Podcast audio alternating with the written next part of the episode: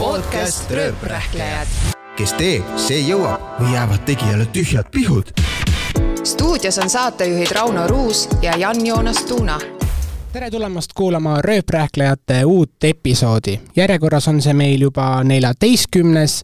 ja täna on meil külas äh, üks väga tegus äh, äh, noormees, kui veel niimoodi võib nimetada äh,. ta on olnud noor ettevõtja aastaettevõtja Euroopa noorim miljardär ja loomulikult Bolti asutaja, nii et tere tulemast, Markus Villig! tere hommikust!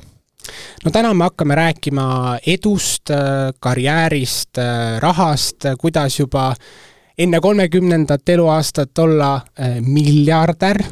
nii et äh, hakkame aga pihta. Bolt sai äsja kümneaastaseks. kas äh, see kümme aastat on ühe iduettevõtte jaoks selline väärikas verstapost või, või on tõotatud maa veel kaugel? Me oleme esimese kümne aastaga saavutanud kindlasti rohkem, kui eh, enamus startup'id eh, unistavad, et nad üldse kunagi saavutavad, aga samas, kui me mõtleme, kui palju meil on veel potentsiaali, kuhu minna, siis tegelikult eh, ma arvan, et kümne aasta pärast praegusest hetkest me võtame siia tagasi ja mõtleme, et kui väiksed me siis olime. et tegelikult meil on veel kasvuruumi ees kordades kas on mingi kindel eh, eeskuju sul näiteks mingi ettevõtte puhul, et eh, sama suureks kasvada? ühtegi konkreetset ettevõtet, ma arvan, ei ole, keda me peame enda jaoks selliseks iidoliks, aga väga palju on ettevõtteid, kellest eh, muidugi õppida et üks ettevõte, kust ma olen väga palju õppinud, kuidas nemad on suutnud väga pikalt kasvada, on näiteks Amazon, mis on tänaseks kakskümmend viis aastat vana ja nad suutsid iga aasta kasvada kolmkümmend protsenti ja niimoodi üle kahekümne aasta järjest. ja meil on vähemalt sama kasvuambitsioon, et me tahaksime ka, et esimesed kakskümmend aastat me hoiame sellist sama agressiivset kasvutempot, mis tähendaks, et Bolt võiks olla kümne aasta pärast kümme korda suurem, kui me oleme täna. No Boltist me räägime ka kindlasti täna aga äh, liikudes ajas tagasi, siis, siis esimesed äh, katsetused või esimesed äh, sellised võidud olid osalemine siis Ajujahi saates, mis oli kaks tuhat neliteist. sa olid toona alles kahekümneaastane, kuulajatele siis võrdluseks, et mina olen ka alles kakskümmend mäletad sa oma esimest sellist etteastet žürii ees või, või kas, ma ei tea, peopesad higistasid ja jalg värises? Ma olin tegelikult äh, äh, alati esinemise osas äh, suhteliselt äh, selline stressivaba, et äh, olgu see siis eelnevalt koolis või siis, kui ma käisin erinevatel startup üritustel, näiteks Garage neljakümne kaheksal esinemas, et siis ma selle pärast kunagi ei muretsenud, et, et pigem kui ma teadsin, millest ma räägin, et ma olen ise selles valdkonnas äh, piisavalt teadlik ja, ja ma ei aja mingit jama inimestele, siis ma võin ükskõik kellele esineda, et see ei ole minu jaoks kunagi probleem olnud. ja sama oli ka Ajujahis, et äh, muidugi suure publiku ees äh, pead olema ettevaatlik, mida sa ütled ja mida mitte, aga kuna ma olin ise teemas, ma teadsin palju suurema kogemusega kui need žürii liikmed, kellele ma esinesin, siis noh, ega ma teadsin, et nad ilmselt ka ei saa aru, kui ma midagi valesti ütlen, et sellepärast ei pea väga muretsema. Aga mis sa kõige rohkem sellest äh, saatest äh, mäletad, mingi konkreetne asi või, või õppetund või ma arvan, et kõige suurem väärtus meie jaoks sellest saatest oli äh, konkreetselt lihtsalt tuntus, et äh, kui sa alustad uue, eriti siis lõpptarbijale suunatud tootega ja, ja sul ei ole raha, nagu minul üheksateistaastasena absoluutselt ei olnud, siis me pidime tegema kõike, mis võimalik, et saada tuntust, et kuidas inimesed kuuleksid siis meie ettevõttest ja tõmbaksid meie äpi alla, hakkaksid kasutama. ja ilmselgelt traditsioonilist turundust me ei saanud teha, sest meil raha lihtsalt ei olnud ja, ja siis meil jäigi üle siis nii palju kui võimalik kasutada siis, siis tasuta meediat ja kui me kuulsime, et Ajujahi saade on olemas, siis see oli ilmselge koht, kuhu minna, sest ilmselgelt ju kümned tuhanded inimesed vaatavad seda saadet. No tegelikult see kõik nii roosiline seal ajujahis ikkagi ei olnud, et äh, esialgu oligi see eelvoorud või kuidas seda nimetada ja kus valiti siis vist kümme ettevõtet või startup'i välja ja sina nende kümne sekka ei sattunud, ehk siis tegelikult sa võistlustulle ei äh, astunudki äh, ja lõpus vist saade, üks saade enne finaali sind äh, kutsuti tagasi no mis emotsioonid olid niimoodi, et noh, tegelikult nagu näitan ju küll, et olen juba teinud, aga saatesse isegi ei saa mul tegelikult äh, selle osas oli äh, äh, alati väga hea meel, et me saime osaleda esimeses saates äh, ja viimases saates äh,, mida vaadatakse tegelikult kogu hooajal kõige rohkem. nii et me põhimõtteliselt saime nagu selle maksimaalse turunduse mõju sellest saates osalemisest, aga me ei pidanud tervet hooaega kaasa tegema. et, et selles mõttes kokkuvõttes ma arvan, et isegi me saime sellest saatest päris hästi selle, mille jaoks me sinna läksime äh,. küll aga jah, et emotsionaalselt, kuidas seda võtta, mul tegelikult ei ole sellega kunagi probleemi olnud, et, et enesekindluse mõttes ma teadsin, et mida me teeme, ma teadsin, et kokkuvõttes, kui me ehitame väga hea toote, mis miljonitele inimestele meeldib, siis küll kokkuvõttes lõpuks see inimeste arvamus meist meeldib. nagu et see muutub ja küll me hakkame neile lõpuks meeldima. et see, et kui lühiajaliselt esimestel kuudel žürii arvab, et me ei ole väga edukad, noh, see mind väga ei morjenda, et ma mõtlesin, et okei okay,, et küll mõne aasta pärast te näete, mis me, mis me suudame saavutada aga kas oli ikkagi mingi kaotusvalu, sellepärast et ega sa tegelikult seda kinni ei pannud, et sa jäid teiseks, et see on nagu teistkordne selline hoop, ma kujutan ette. Äh, tegelikult sellepärast ma ei ole kunagi muretsenud, et, et täna ettevõttena ka me keskendume alati sellele, et kuidas meil päriselt läheb. et mis on äh, meie klientide tagasiside, mis on meie finantsilised tulemused, see, kas me saame kuskil mõne auhinna või mitte, kas me jääme esimeseks, teiseks, kolmandaks, noh, ega see kokkuvõttes meie jaoks seda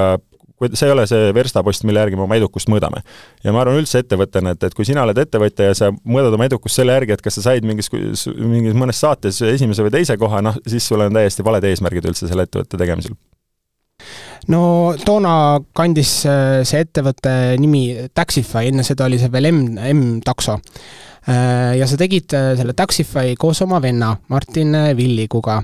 aga mina olen ikkagi kuulnud, et isegi koolis äh, õpetatakse ettevõtluses, et ära aja äri oma parimate sõpradega, veel vähem äh, perekonnaliikmetega, et kui läheb äris kehvasti, siis ega need suhted puutumata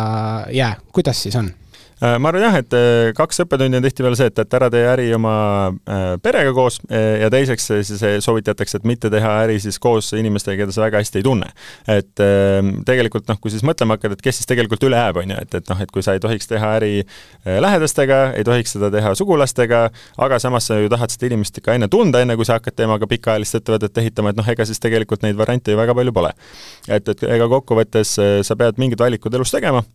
ja ega pered ja, ja suhted on väga erinevad. et meil oli vennaga alati selline väga konstruktiivne suhe, äh, kus äh, ta oli mulle alati suureks toetuseks, äh, kuna ta on minust oluliselt vanem, siis ta juba väiksest peale aitas mind arendada, soovitas mul hakata tehnoloogiasektoris õppima ja, ja nii edasi, et selles mõttes meil oli alati selline väga nagu nagu väga positiivne suhe, mis oli ka nagu töö jaoks väga sobiv, et me ei olnud võib-olla sellised traditsioonilised umbes samavanused õde ja vend, kes umbes üksteisega kodus kakleksid ja kellel siis koostöö selle tõttu välja ei tule aga millistes äh, kohtades äh, teil on olnud eriarvamused või erinevad nägemused näiteks ka ettevõtte juhtimisel? meil oli Martiniga väga hea kokkulepe, et ma alati kuulasin tema arvamuse ära, aga lõpuks viimase otsuse tegin mina. et meil oli selge, et me ei saa niimoodi teha, et äh, kui me jääme eriarvamustele ja siis otsust kokkuvõttes ei, ei tehtagi. sest sina olid suurem boss nii-öelda või noh? No lihtsalt me kokkuvõttes leppisime niimoodi, et oli selge, et minul oli see suurem ambitsioon seda ettevõtet ehitada ja vedada väga pikaajaliselt ja Martin nägi, et talle väga meeldib see, mis me teeme, ta tahab selles osaleda, aga ta, ta ei näinud, et see on nüüd tema see nagu elu peamine missioon, mille nimel ta on valmis kõigest muust loobuma ja ta oli nõus, et ta on mulle suureks abiks, aga tema ei ole see, kes nüüd on sellepärast on pahane, et tema otsus ei jäänud peale. ja, ja ma arvan, et kokkuvõttes see oli väga hea, et me tihtipeale debateerisime kõvasti rasked otsused läbi ja kui me jäime eriarvamusele, siis lõpuks me, et okei okay,, et peame otsuse tegema, seekord siis teeme nii, nagu mina ütlen ja lähme edasi ja ta oli sellega alati leplik no debateerisite küll, aga ütleme, tööaeg sai läbi ja oli laupäev-pühapäev mm. perekondlikud istumised, kas äh, oli ka mingeid seiku, kus nagu mõrumaik on pisut nagu suus, et? Mm. mitte kunagi, et äh, tegelikult see, sellist asja ei ole kunagi olnud ja, ja sama ka teiste töötajatega, et ma arvan, peab suutma väga hästi eristada seda, et sa debateerid selle üle, kas see idee on hea või mitte ja sa pead suutma seda eristada sellest inimesest. et äh, täna samamoodi minu juhtkonnaga ma väga austan igat inimest, kes seal on, nad on kõik väga tugevad professionaalid, me saame ka isiklikult hästi läbi, aga see ei tähenda seda, et kui keegi neist toob äh, lauale lolli ettepaneku, siis ma ütlen, et see on loll ettepanek ja, ja ma ütlen, et me ei tee seda. ja sa pead suutma eraldada selle, et äh, mis on see konkreetne asi, mis ta välja pakub ja kes see inimene on. oskad sa näite tuua, milline on olnud selline ettepanek, mille sa noh, pehmelt öeldes oled laualt prügikasti visanud? Oh, eks ütleme, selliseid väga lolle ettepanekuid nüüd õnneks ma ei ole viimased paar aastat näinud, kuna lihtsalt tänaseks minu juhtkonna tiim on juba piisavalt professionaalsel tasemel, küll aga ütleme selliseid asju, et seal on mingid nüansid, millega ma ei ole nõus ja, ja mida ma tahan muuta, noh, seda juhtub igapäevaselt. et, et olgu see siis personalipoliitikas või, või selles, mida me tahame näiteks tootesse lisada funktsioone või, või mis riiki me tahame laieneda, et noh, ega alati mul äh, nagu mingisugune nüanss, mille ma sealt leian, mille osas mul on teine arvamus no sinu esimene, sinu esimesed investorid, kui seda saab niimoodi nimetada, olid tegelikult su enda vanemad, äh, kes andsid äh, viis tuhat eurot äh, täitsa seal alguses. ja siis nad tulid veel ka firmasse tööle nagu aitama sind. no vend vennaks, aga kui ikkagi enda ema ja isa on nagu kuskil alustavas startup'is tööl ja sina oled nagu nende ülemus, kuidas, noh, kuidas sa kamandad oma vanemaid? selle osas ma ütleks, et pikaajaliselt ma arvan, oleks olnud keeruline, aga kui sa alustad startup'i ja sul tõesti on äh, kõik tõenäosused on sinu vastu. et, et sa oled äh, noor, üheksateistaastane, sul ei ole kogemust, sul ei ole raha, sul ei ole mingeid tutvusi ja sul on vaja lihtsalt see startup äh, kiiresti käima saada mõne kuu jooksul, sest et vastasel juhul meil oleks lihtsalt saanud see vähegi raha otsa, mis meil oli. ja, ja teiseks, kui sa pakud turule kehva toodet, mis inimestele ei meeldi, siis pärast seda ümber pöörata on väga raske eks me, me teadsime, me peame selle väga kiiresti kuskil kuue kuu jooksul selle toote tööle, tööle saama. ja ega mul kokkuvõttes ju ei olnudki muud varianti, et noh, mul oligi vend, kes mind toetas, ma olingi, et mul ei ole raha, et inimesi palgata, keegi peab mind aitama, ja mu ema oli sellel ajal aktiivne õpetaja, aga tal oli suvel puhkus. Ja siis ma ütlesingi, et kuule, et tõesti, häda on nüüd käes, nüüd on vaja, et tule appi paariks kuuks. Ja siin on paar konkreetset ülesannet, millega on vaja tegeleda. Ja õnneks ega ma ei pidanudki teda väga juhtima, et, et ta on nii proaktiivne inimene, et ma andsin talle ette, et näe, siin on näiteks taksojuhtide nimekiri, palun helista need taksojuhid läbi ja vaata, et nad tuleksid meie platvormile ja hakkaks sõitma. ja ema oli mingi, et okei okay,, noh, mul on suvepuhkust, eks ma ikka aitan oma poega ja sellest tuli tegelikult väga palju abi. kas isa ka aitas kuidagi? isa samamoodi, et ta aitas ka nende autojuhtide liitumisega, et, et aeg-ajalt linna peal oli vaja mõne juhiga siis kokku saada, vaadata üle, kas tal on adekvaatne auto, kas tal on litsents olemas ja siis noh, isa pärast tööd siis mõnikord linnast läbi sõites siis leppis paari taksojuhi kokku, sai nendega õhtupoole kokku ja töötas väga hästi nii et äh, kõik see algas, ma ei tea, Tallinna tänavatel äh, ühe, kahe, kolme autojuhi leidmisega, palju teil nüüd äh, autojuhte on? üle kahe miljoni niimoodi see kõik kasvas. tulles tagasi selle viie tuhande euro juurde, mis alguses su vanemad andsid, mis see, mis sa selle viie tuhande euroga tegid, see nüüd ma arvan, ei ole nii suur summa nagu ettevõtte jaoks. Äh, eks tegelikult muidugi ajad ongi muutunud, on ju, et kümme, kümme aastat tagasi tegelikult viie tuhande euroga sai palju rohkem kui täna, äh, aga mis me tegelikult selle, äh, sellega ette võtsime, oli konkreetselt, me ehitasime siis äpi, et me ehitasimegi siis iPhone'i rakenduse ja me ehitasime siis väga lihtsa sellise serveri nagu back-end'i poole, et mis siis online'is siis neid tellimusi vahendab juhtidelt klientidele ja miks meil seda vaja oli, tegelikult sellepärast, et äh, ma olin küll pisut tehniline, ma väga elementaarsel tasemel oskasin programmeerida, aga oli selge, et ma ei jõua ehitada siis kõiki neid äppe ja kogu seda serveri poolt, mis meil vaja on ja meil oli vaja siis välist abi. ja pikalt me otsisime arendajat, keda leida, lõpuks me leidsime ühe siis kohaliku freelanceri, kes oli nõus siis seda meile arendama, esimese prototüübi viie tuhande euro eest ja, ja sinna see raha läks. milline su äh, lapsepõlv oli, et et äh, kas, kas juba seal ütleme, noh, ma ei tea, kas päris kuldlusikas suus, aga ütleme, kas äh, ettevõtluse ja rahalises mõttes oli su lapsepõlv roosiline või, või oled sa tulnud perekonnast, kus äh, higi, vaeva ja pisaratega on oma esimesed rahad teeninud? Pigem see viimane, et, et ma arvan, minu vanemad peamine asi, mis on mulle jätnud, on kindlasti töökus, et äh, e-, esimesest, esimestest mälestustest saadik ma alati mäletan, et äh, nad väga hindasid seda, kui inimesed on töökad ja ei ole laisad äh, igas elu aspektis, et, et alati peab enda arendamisega tegelema,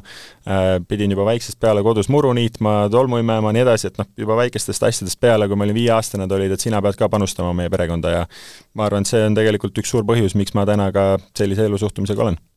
no lisaks vanemale vennale on sul ka tegelikult vanem äh, õde mm. -hmm. millised äh, lapsed te olite lapsepõlves, et kas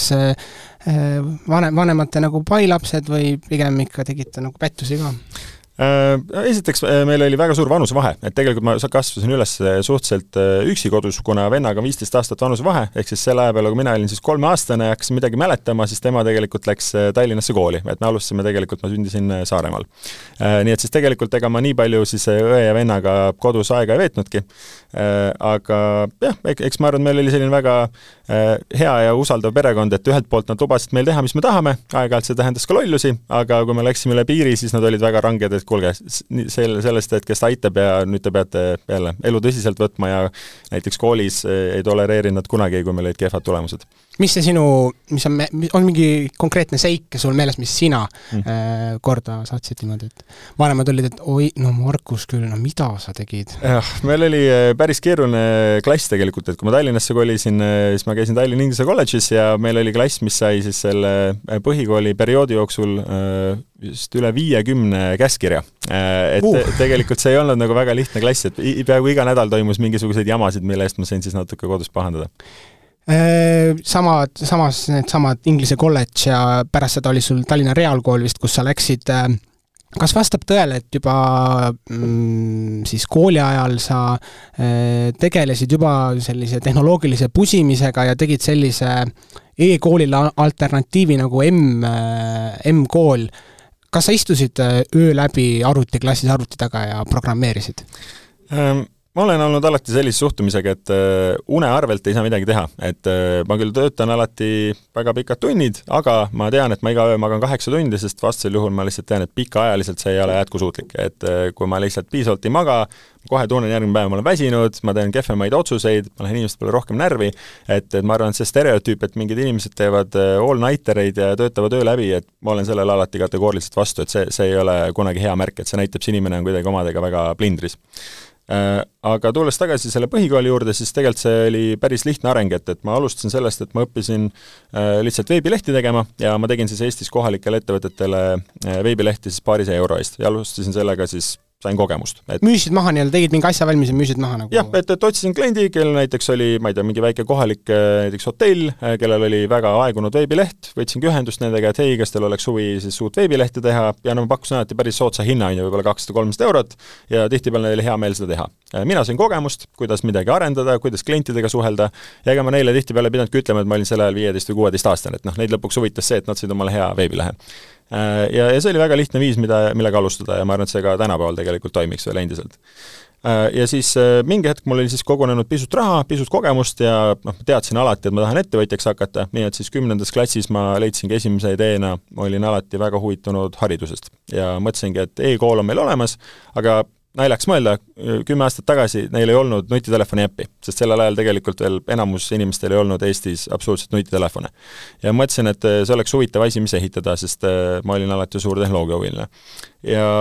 tegin see esimese prototüübi valmis ja siis üritasin siis seda koolidele maha müüa ja, ja teistele osapooltele ja ma sain üsna ruttu aru, et sellega väga kaugele ei jõua. et, et sa müüd seda koolile väga pikka aega, noh, sain erinevate direktoritega kokku ja proovisin neid veenda, aga ega tegelikult neil väga raha ei ole, et, et noh mm, -hmm. kui sa mõtled siis tehnoloogiasektoris, eriti kui sa müüd sellist suhteliselt keerulist tarkvara koolile, eh, sul läheb sinna väga palju aega ja raha, et seda valmis teha. ja siis sa pead ikkagi iga kliendi pealt teenima mitu tuhat eurot, et see kuidagi ära tasuks. aga kui kool võib-olla oli valmis mulle maksma noh, võib-olla paarkümmend eurot kuus, no see oli selge, et see ärimudel ei hakka seal kunagi tööle ja kahjuks siis pärast esimest aastat ma pidin sellega lõpetama kas sul oli ka selline kuvand äh, koolis nagu arvutifriik või kuidagi no tead, see tüüp äh, istub seal arvuti taga ja umbes äh, ega ta kellegagi ei suhtle ja ega keegi tast midagi ei tea? ei, täitsa vastupidi, et ma arvan, just eriti keskkooli ajal ma sain aru, et meil oli klassis, olid mõned inimesed, kes olid tõesti nii suured arvutihuvilised, et neid, neid väga inimestega suhtlemine ei huvitanud, et, et meil oli paar sellist üksikut ka ja, ja nad on tänaseks väga edukad programmeerijad, aga mina olin pigem alati selline mitmekülgsem, et mind huvitasid arvutid, mind huvitas tehnoloogia, aga mulle väga väga meeldis ka kooli ajal lihtsalt vaba aega veeta ja sõpradega suhelda, et, et ma kunagi ei näe, et, et inimesed peaksid selle valiku nii karmilt tegema, et, et sa võid ainult ühte asja teha. M-koolist äh, liikusid või siis E-kooli, M-koolist liikusid edasi sa ikkagi nagu selle taksonduse peale. Miks ikkagi äh, taksondus, jah, ma tean, et äh, sul autojuhilube vist ei ole, on ju, kas see oli siis ainus põhjus see, et endal lube ei ole või noh, kõikidest valikutest ma ei tea, kui atraktiivne see nüüd on, noh, taksondus, noh? Äh, tegelikult see oli äh, päris süstemaatiline, et äh, tihtipeale ma kuulen sellist startup'i nõu, et võta see valdkond, mille vastu sul on endal suur kirg ja hakka seda tegema. Ähm, ja ühelt poolt see on täitsa adekvaatne nõuanne. Minu puhul oli pigem teistmoodi, et mul oli suur kirg selle vastu, et ma tahtsin hakata ettevõtjaks, aga mul tegelikult oli suhteliselt ükskõik, et mis see konkreetne sektor on et äh, esimene, mis mulle meeldis, oli väga haridus, aga tegelikult ma olin äh, suhteliselt agnostiline, ma mõtlesin, et ma võin ka mingis muus sektoris ettevõtet ehitada. ja, ja siis ma tegelikult kulutasingi mõned kuud sellele, et ma käisin läbi kümned erinevad ideed. et ma uurisin väga palju erinevaid sektoreid ja lõpuks ma sain aru, et transport on see sektor, kus toimub järgmise kümnendi jooksul kõige rohkem et, et esiteks on ju, on väga suur äh, muutus see, et me lähme diiselautode pealt, lähme elektriautode peale, teiseks äh, paistis sellel hetkel, et võib-olla on võimalik tulevikus teha isesõitvad autod üldse, kolmandaks oli selge, et äh, inimesed võib-olla ei pea autosid omama, et tänu nutitelefonidele me saame tekitada sellise võrgustiku, et inimesed kasutavad siis autosid lihtsalt just siis, kui neil vaja on, nad rendivad seda lühiajaliselt või tellivad selle omale äpist ja, ja kogu see maailm tundus mulle selline väga põnev, mida juhtub väga harva. ja siis mul oligi selge, et see on see sektor, kus ma tahan minna ja ma mõtlesin, et ma alustan taksodega, aga minu ambitsioon ei olnud kunagi sellega piiratud, et ma tegelen ainult taksodega. et ma teadsin, et see on see koht, kus me alustame ja aja jooksul me laieneme ja lisame uusi tooteid aga oleksid täna siis ka nüüd valmis, et äh, võib-olla kümne aasta perspektiivis on mõni järgmine sektor, et äh, võib-olla Bolt on minevik varsti ja mingi uus asi on tulevik? pigem ma täna mõtlen selle peale nii, et, et Bolt on nii unikaalne platvorm. Meil on sada viiskümmend miljonit klienti neljakümne viies riigis, meil on üle kolme tuhande töötaja, kelle hulgas on paljud Euroopa kõige paremad tehnoloogiaarendajad,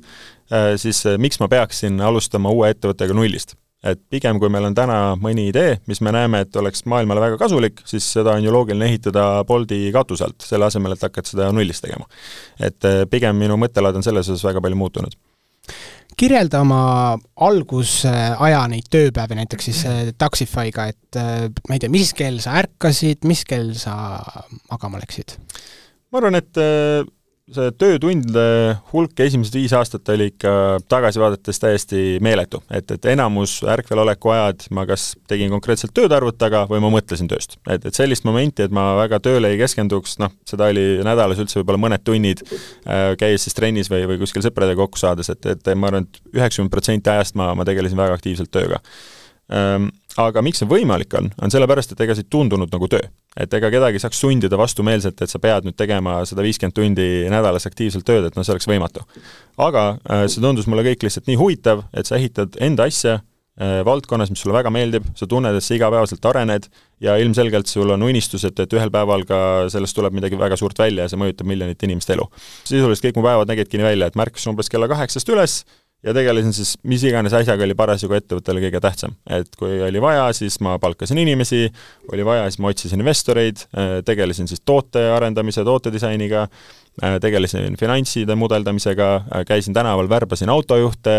äh, ma ei tea aga kaua see kestis, see nii-öelda see väga intensiivne periood? ma arvan, et see nagu väga intensiivne tegelikult kestis väga pikalt, et umbes viis aastat oli ikka selline, et äh, sisuliselt kõik nädalavahetused, mis olid, ma ikkagi alati tegelesin tööga äh,. Ja see oli ülitore aeg, et, et ma tegelikult tagasi vaadates kuidagi kahetseda, see oli mi-, mit-, mitmel põhjusel, ma ütleks, elu üks kõige toredamaid perioode äh,, sest ma lihtsalt igapäevaselt nägin, kuidas ma ise arenen ja ettevõte areneb, et see oli, see oli väga tore aga mis selle mm, nojah, et äh, see, mis sa teed, ei ole nagu töö, aga samas sa teed seda nii palju, mis selle nagu pahupool oli, et sa oled öelnud, et äh, sa oled oma karjäärile toonud väga palju ohvreid mm, -hmm. et äh, mis siis on, et oled sa läbi põlenud või on,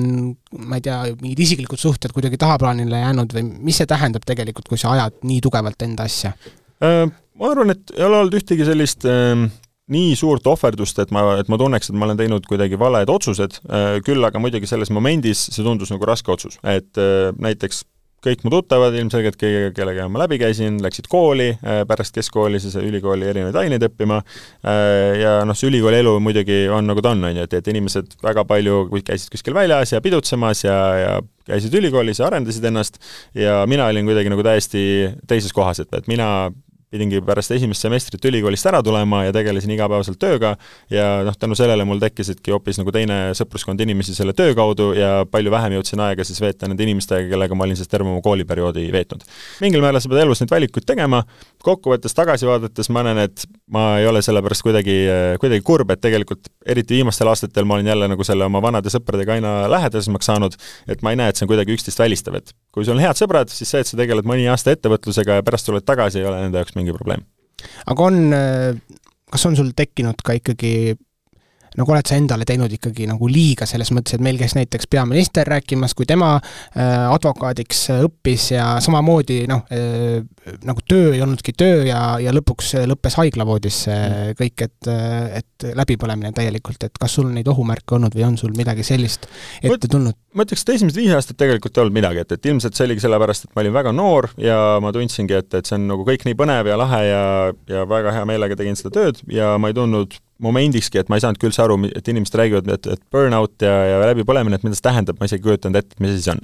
Äh, ja ma arvan, et tegelikult minu jaoks see asi hakkas muutuma, kui ma olin umbes kakskümmend viis, et kuskil viis-kuus aastat ehitanud, siis ma hakkasin nagu nägema esimesi märke, et okei okay,, et viis aastat järjest sellise tempoga tegemine, et noh, mingitel momentidel ma tundsingi, et ma olin stressis, lihtsalt väsinud, lähed teiste inimeste peale rohkem närvi, teed kehvemaid otsuseid ja ma saingi aru, et ma pean natuke oma seda töökava muutma. et äh, selleks hetkeks oli ka tiim piisavalt tugev ja me olime juba päris mitmes riigis ja organisatsioon oli tugevam, et ma nägin, et ma saan seda endale lubada. et ma ei pea igapäevaselt nii palju ise panustama, vaid pigem ma pean leidma omale siis sellise ajakava, et see on pikemas plaanis jätkusuutlik ja ma tegin paar väga lihtsat muudatust, et esiteks ma olingi endale kindel, et ma kunagi ei lase trenne üle, et ma iga nädal teen vähemalt kolm-neli korda aktiivselt trenni. mis see et, trenn oli äh,? Isegi ma olen näinud, et ei ole väga suurt vahet, et kas on jõusaal, ujumine, mängisin jalgpalli, tennist, nii edasi, et tegelikult seal ma nägin, et väga vahet ei ole, mida sa teed, oluline on see, et sa teed midagi füüsiliselt aktiivselt ja võtad korraks mõtted töö pealt ära. ja see on asi, millest ma kindlasti ei tagane ja see väga palju aitab stressi maandamisele kaasa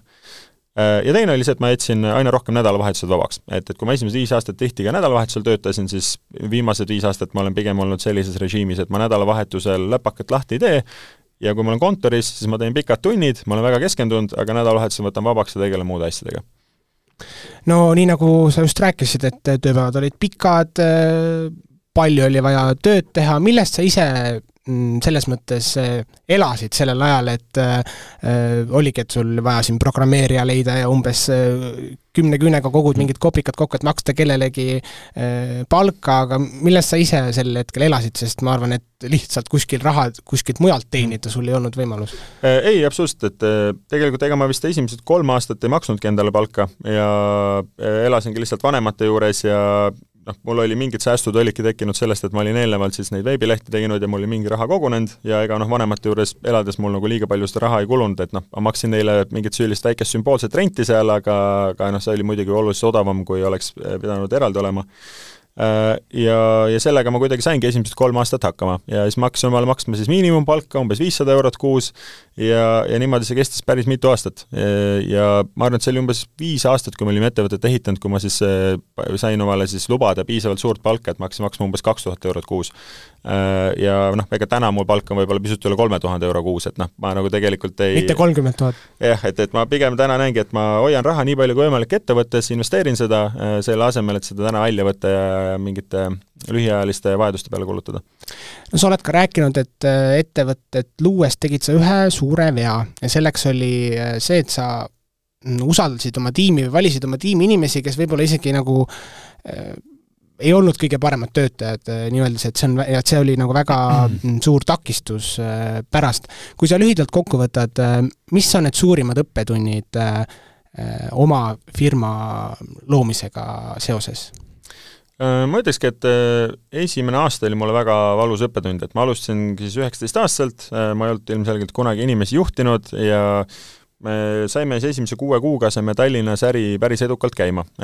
Nii et me tegime juba kümneid tuhandeid tellimusi kuus ja populaarsus kasvas väga kiiresti. ja siis pärast mu venda, meie esimene inimene, kes tiimiga liitus, meie kolmas kaasasutaja oli Oliver ja temaga meil läks nii hästi, et, et esimesest päevast klappis kõik perfektselt ja, ja ta on siiamaani ettevõttega seotud ja ta ehitas üles siis kogu meie tehnoloogia poole. Äh, ja ma arvan, ma sain sellest nii palju innustust, et ma nägin, et oh, et selliseid väga lahedaid inimesi maailmas olemas, et ju siis äh, kõik sellised, on sellised. kõik on sellised. ja, ja pärast seda tegelikult järgmisest kümnest inimesest, kelle me palkasime, äh, ma pidin seitse tükki lahti laskma aasta aja pärast. Mis on päris karm. et, et kujuta ette, et sa oledki siis kahekümneaastane, sa oled palganud ettevõttesse kümme inimest ja saad aru, et kuule, tegelikult nendest seitse tükki ei, ei tööta, on ju, mis on nagu siis noh, suurem enamus ja, ja see oli väga raske otsus ja noh, eks ma järk-järgult pidin kõik need inimesed välja vahetama. ja ma arvan, et see õppetund minu jaoks see oligi, et et ma olin liiga naiivne ja liiga optimistlik inimeste osas. et ma arvan, loomu poolest ma olen selline, et ma üritan näha kõigis inimestes äh, parimat, aga juhina see omadus tihtipeale ei tööta, et sa pead olema ikkagi palju rangem ja, ja ma sain aru, et kaks äh, elementi, mis mind kõige rohkem inimestes äh, huvitab töö edukuse mõttes, on esiteks nende töökus et kas nad päriselt on positiivsed, tahavad tööd teha, või nad on pigem sellised, et niipea, kui sa neid ei kontrolli, siis nad lähevad kuhugi YouTube'i videosid vaatama, et noh, et mis see, mis tüüpi see inimene on. ja, ja teine element oli see, et kui kiiresti nad suudavad õppida. ja minu jaoks oli suur üllatus see, et ma nagu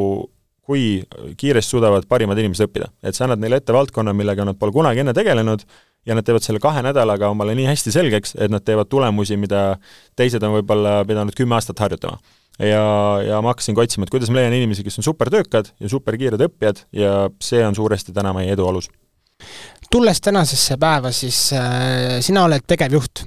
ja Bolt on väga rahvusvaheline ettevõte äh,. Kuidas sellise ettevõtte juhtimine välja näeb selles mõttes, et äh, noh, tänagi me kohtume läbi mitmete kuude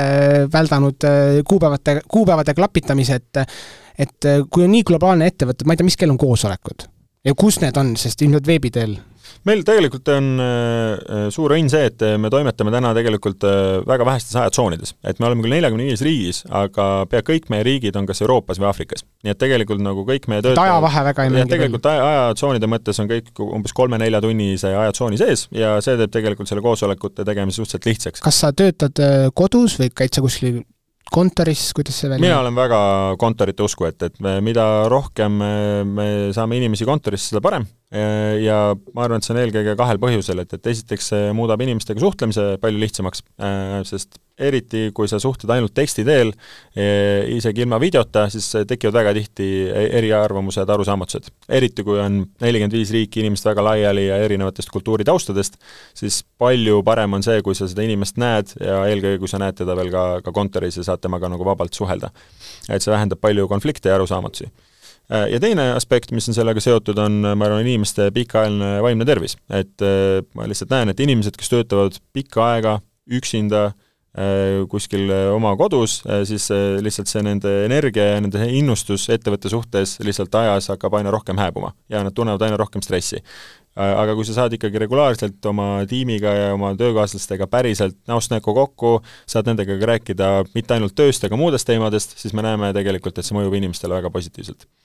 Aga kuna Bolt on nii äh, rahvusvaheline ettevõte, siis on ka erinevad äh, nagu kultuuriruumid, kas see on ka kuidagi äh, takistuseks mingi hetk sattunud, et näiteks ma ei tea, Aafrikast inimesed ei mõista Eesti mõtteid või, või Kesk-Euroopa ei saa aru Aafrika asjadest või kuidagi on, on kultuurilisi nagu hõõrdumisi tekkinud? sisuliselt mitte, et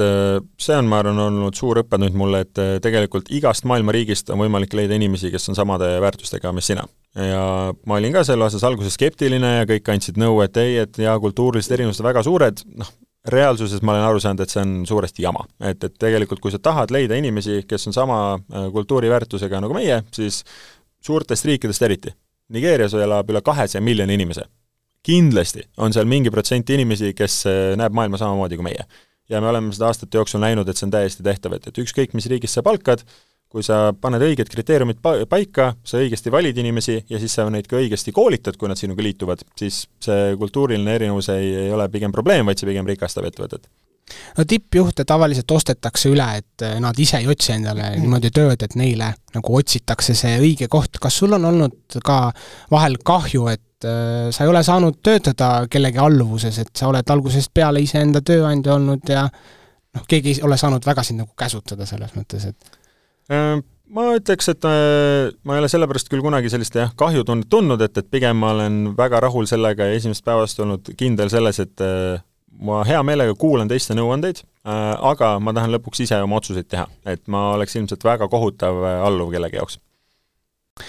liigume siin korra ajas tagasi aastasse kaks tuhat neliteist, kus sa olidki Ajujahi saates ja sa finaalis siis esitlesid enda ideed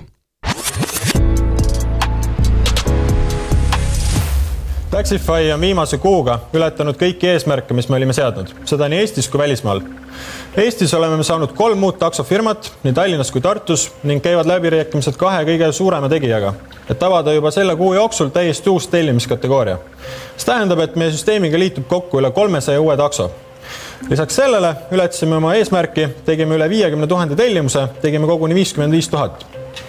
ja peale selle kasvas meie käive viie tuhande euro pealt seitsme tuhandele ehk ligi nelikümmend protsenti. rääkides aga välismaast, kus meie kõige suurem koorem oligi tõestada, kas me suudame välismaale laieneda, siis me oleme seda teinud. Eestis teeme me täna otsemüüki USA-sse, kus me oleme saanud juba kahe nädala jooksul kaks firmat New Yorgis meie teenust kasutama, kellel on kokku üle saja viiekümne takso, mis meie jaoks täna juba teisena kõige suurem linn. ja samamoodi on meil hästi läinud ka Lätis ja kogu Baltikumis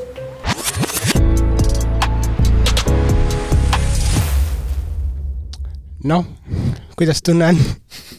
Äh, ma olen seda klippi tegelikult paar korda veel aastate jooksul vaadanud, et äh, eks sellest on omad õppetunnid võtta, et ma olen pisut võib-olla äh, ambitsioonis ja esinemises paremaks läinud aastate jooksul.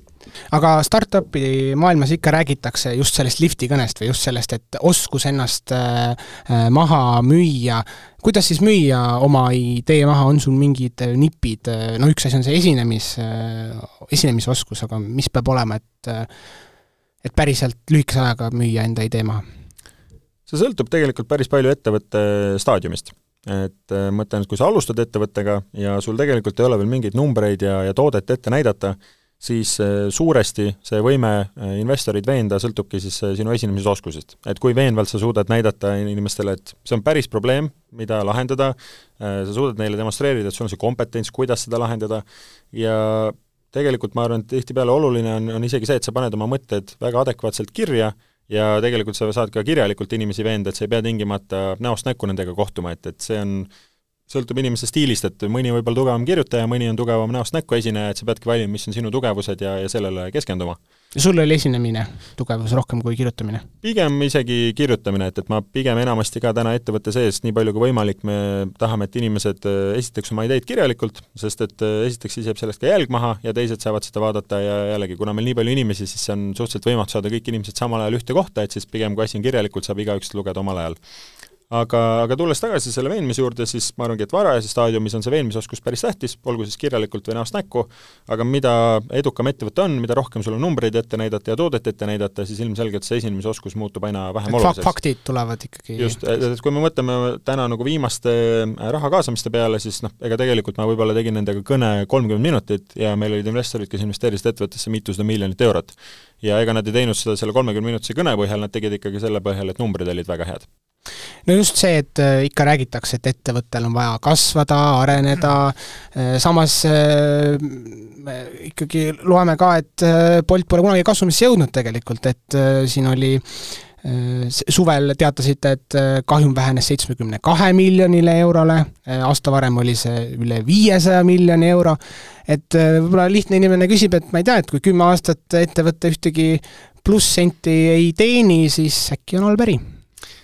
kokkuvõttes ma arvan, peab ju klient otsustama selle järgi, et mis pikaajaliselt sellest ettevõttest saab ja kas ta ise on selle teenustega rahul. et, et täna meil on sada viiskümmend miljonit klienti, inimesed on selgelt Bolti teenustega rahul, meie mahud kasvavad iga-aastaselt ja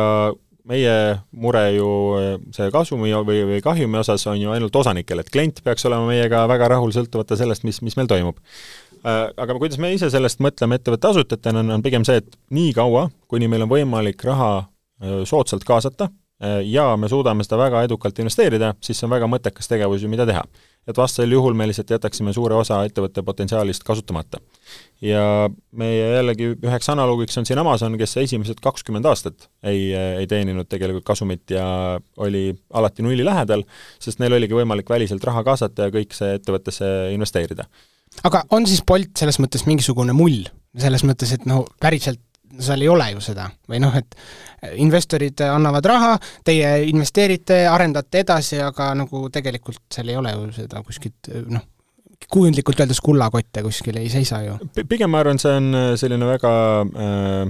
äh, kuidas öelda, nagu ilma detailidesse minev vaade või, või väide, selles mõttes, et kui, kui sa vaatad äh, gruppi tervikuna, siis jah, meil on täna olnud äh, suur õnn kaasata üle miljardi euro mis on rohkem kui ühelgi teisel Eesti ettevõttel. ja ilmselgelt me oleme selle raha kaasanud ju selle jaoks, et seda investeerida. et vastasel juhul, miks me peaksime kaasama investoritelt raha ja siis olema kasumis ja siis seda raha, mis meil kontol on, lihtsalt mitte kasutama. et see oleks ju täiesti mõttetu. et me olemegi selle raha kaasanud investoritelt selge plaaniga see raha ära investeerida. ja mis on tegelikult tähtsam nüanss, on see, et kui vaadata meie erinevaid äriliine, siis eh, meil on mitmed äriliinid, väga mitmed linnad, mis on juba kasumis olnud üle viie aasta et see, et kogu grupi tervikpilt ei ole täna kasumis, ei tähenda seda, et see äri ei töötaks. mis need linnad on, Tallinn? noh, kõige lihtsam näide muidugi on Tallinn, on ju, et me oleme siin tänaseks toimetanud kümme aastat, me oleme siin tegelikult kasumis olnud juba ilmselt kaheksa aastat äh, ja kui me oleksime lõpetanud laienemise Eestis, siis meie ettevõte oleks juba kaheksa aastat kasumis olnud, et see ei oleks mingi probleem. aga miks me oleme teeninud kahjumit viimastel aastatel, sellepärast, et meil on olnud palju suurem ambitsioon. ja ilmselgelt, kui sa avad iga aasta uusi riike, ja iga aasta ehitad uusi tooteid, siis see on loogiline, et sa pead nendesse investeerima. ja ma arvan, et kui mingi periood see hakkab rahunema, me enam uusi riike nii palju ei lisa, me enam uusi tooteid nii palju ei lisa, siis tegelikult see kasumisse jõudmine on, on meie jaoks väga lihtne no Bolti börsile minekust on ikka siin äh, aastate jooksul äh, palju juttu olnud, äh, selle aasta maikuus oli, oli, et noh, kaheteist kuu jooksul võib-olla see juhtub ja nüüd on see pisut veel nagu edasi nihkunud, viimane Ekspress kirjutas ka sellest, millal siis äh, Bolt äh, jõuab börsile, sest äh, noh, eeldatavasti sellest saaks tõeline rahvaaktsia ma arvan, et äh, see vastus ongi osaliselt selles, et me tahame minna börsile siis, kui me oleme selle suure laienemise faasiga pigem lõpetamas, et meil ei tule nii palju uusi riike, nii palju uusi äh, tooteid peale ja tänu sellele ettevõte jõuab ka kasumisse. et ma arvan, see oleks äh, eriti investoritele väga tugev märk sellest, et ettevõte on jõudnud stabiilsemasse faasi. ja me usume, et see juhtub tõenäoliselt kahe aasta pärast. Kuidas tippjuhi amet Äh, ja iduettevõtte nagu omanikuks olemine sobib nii-öelda isiklike, isikliku eluga, et pere loomise plaanidega, okei okay,, jätame selle alguse, selle tohutu töötamise kõrvale, kas, kas, kas see läheb elada, kas see läheb aega, et elada enda elu? absoluutselt, et pigem kui sa seda ei jõua teha, siis see näitab, et sa oled oma tööd kuidagi valesti teinud. et tiim peab olema siis proportsionaalselt tugev selle ettevõtte suurusega. Et eh, kui sul on väga väike, väike ettevõte, sa võib-olla saad seal juhtimisega üksi hakkama, kui on juba Bolti suurune ettevõte, kus on üle kolme tuhande inimese, siis ilmselgelt sa üksi hakkama ei saa, sul on vaja väga tugevat eh, tipptasemel tiimi, kes seda ettevõtet igapäevaselt juhib. ja tänaseks me oleme sinna jõudnud, kus see tiim on meil olemas ja tänu sellele mul on võimalus ka tegeleda muude asjadega tööväliselt ja käia puhkusel aga on sul eh, sellises, selles mõttes ka mingid plaanid, millal sa tahaksid isaks saada või täitsa äh, kõrvale astuda korraks? see, et ma poolteist pikemalt ära oleks, et seda ma väga ette ei kujuta, et ma näen seda, et ma tahaksin võib-olla paar kuud äh, võtta puhkust ja käia kuskil reisimas, aga ma olen väga selge äh, huviga, et ma tahaksin seda järgmised mitu-mitu aastat veel edasi ehitada, kuna meil on nii palju potentsiaali ees. ja, ja ma arvan, pere osas on, on sama, et, et mõne aasta pärast on see õige aeg, äh, kui ma näen, et ettevõte on piisavalt stabiilses kohas ja, ja tõenäoliselt on, oleme ka börsile jõudnud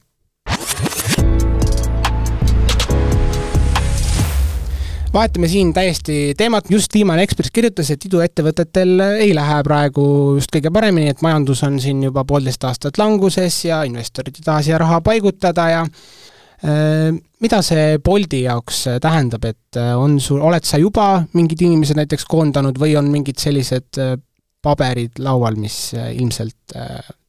teeb kurvaks kellegi? Ma pigem täpsustaks, et kui vaadata Eesti startup maastikku tervikuna, siis tegelikult startup idel läheb väga hästi. et äh, ainuke asi, mis on see aasta kehvem, on see, et äh, startup'id on välistelt investoritelt kaasanud palju vähem raha.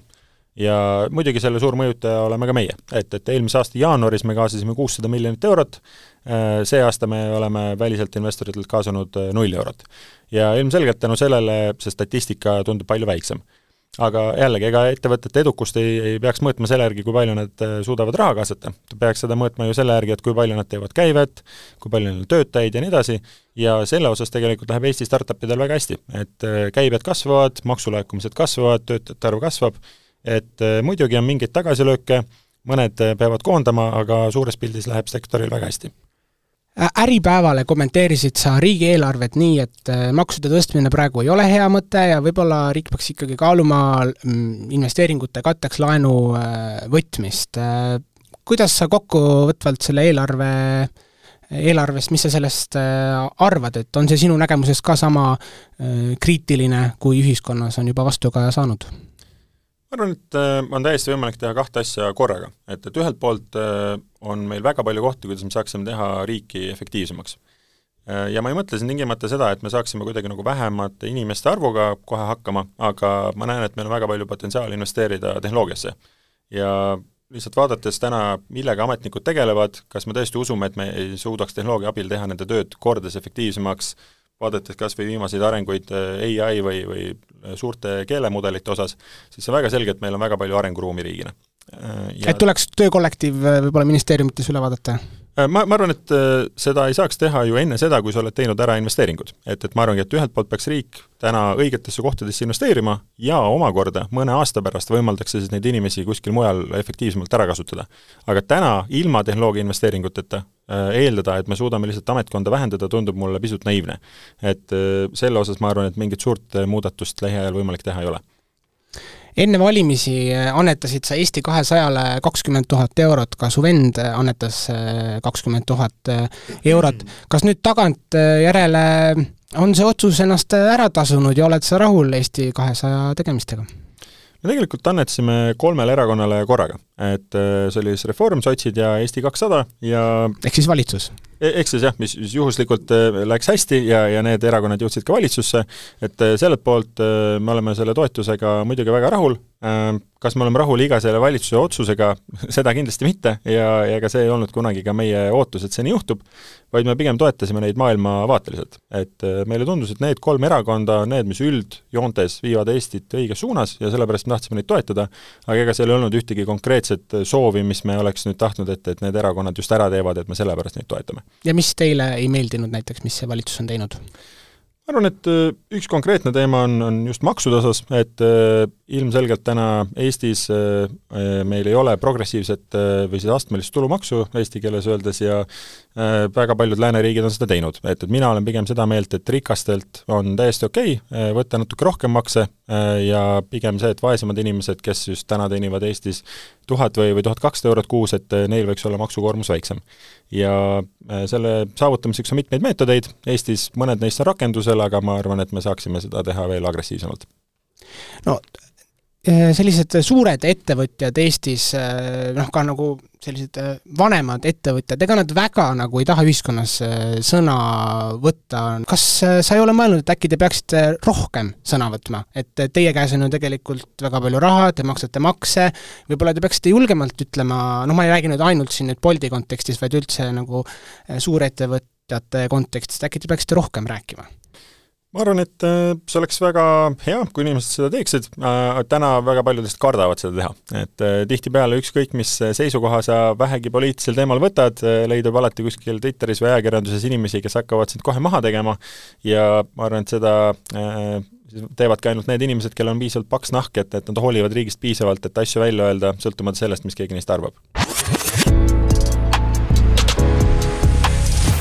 sa ühel konverentsil kunagi ütlesid, et vaadake ette, vanakooli ärimehed, kui te tehnoloogia arenguga kaasa ei lähe, on alati kuskil mõni üheksateistaastane poiss, kes teie senise äri mõttetuks muudab.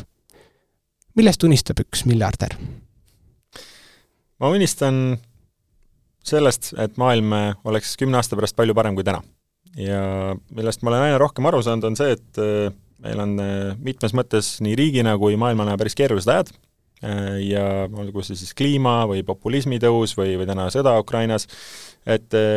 väga-väga äh, palju on olnud viimastel aastatel kriise, väga palju probleeme on veel ees. Ja ma lihtsalt loodan sellesse panustada, et, et kümne aasta pärast oleks maailm ikka paremas kohas, kui me oleme täna, inimesed elavad kauem, on rõõmsamad ja on parema, parema elujärje peal. Aga on sul endal ka mingi isiklik asi, mis sa tahad, äh, millest sa unistad, et ma ei tea, Äh, siin rikkad inimesed ikka,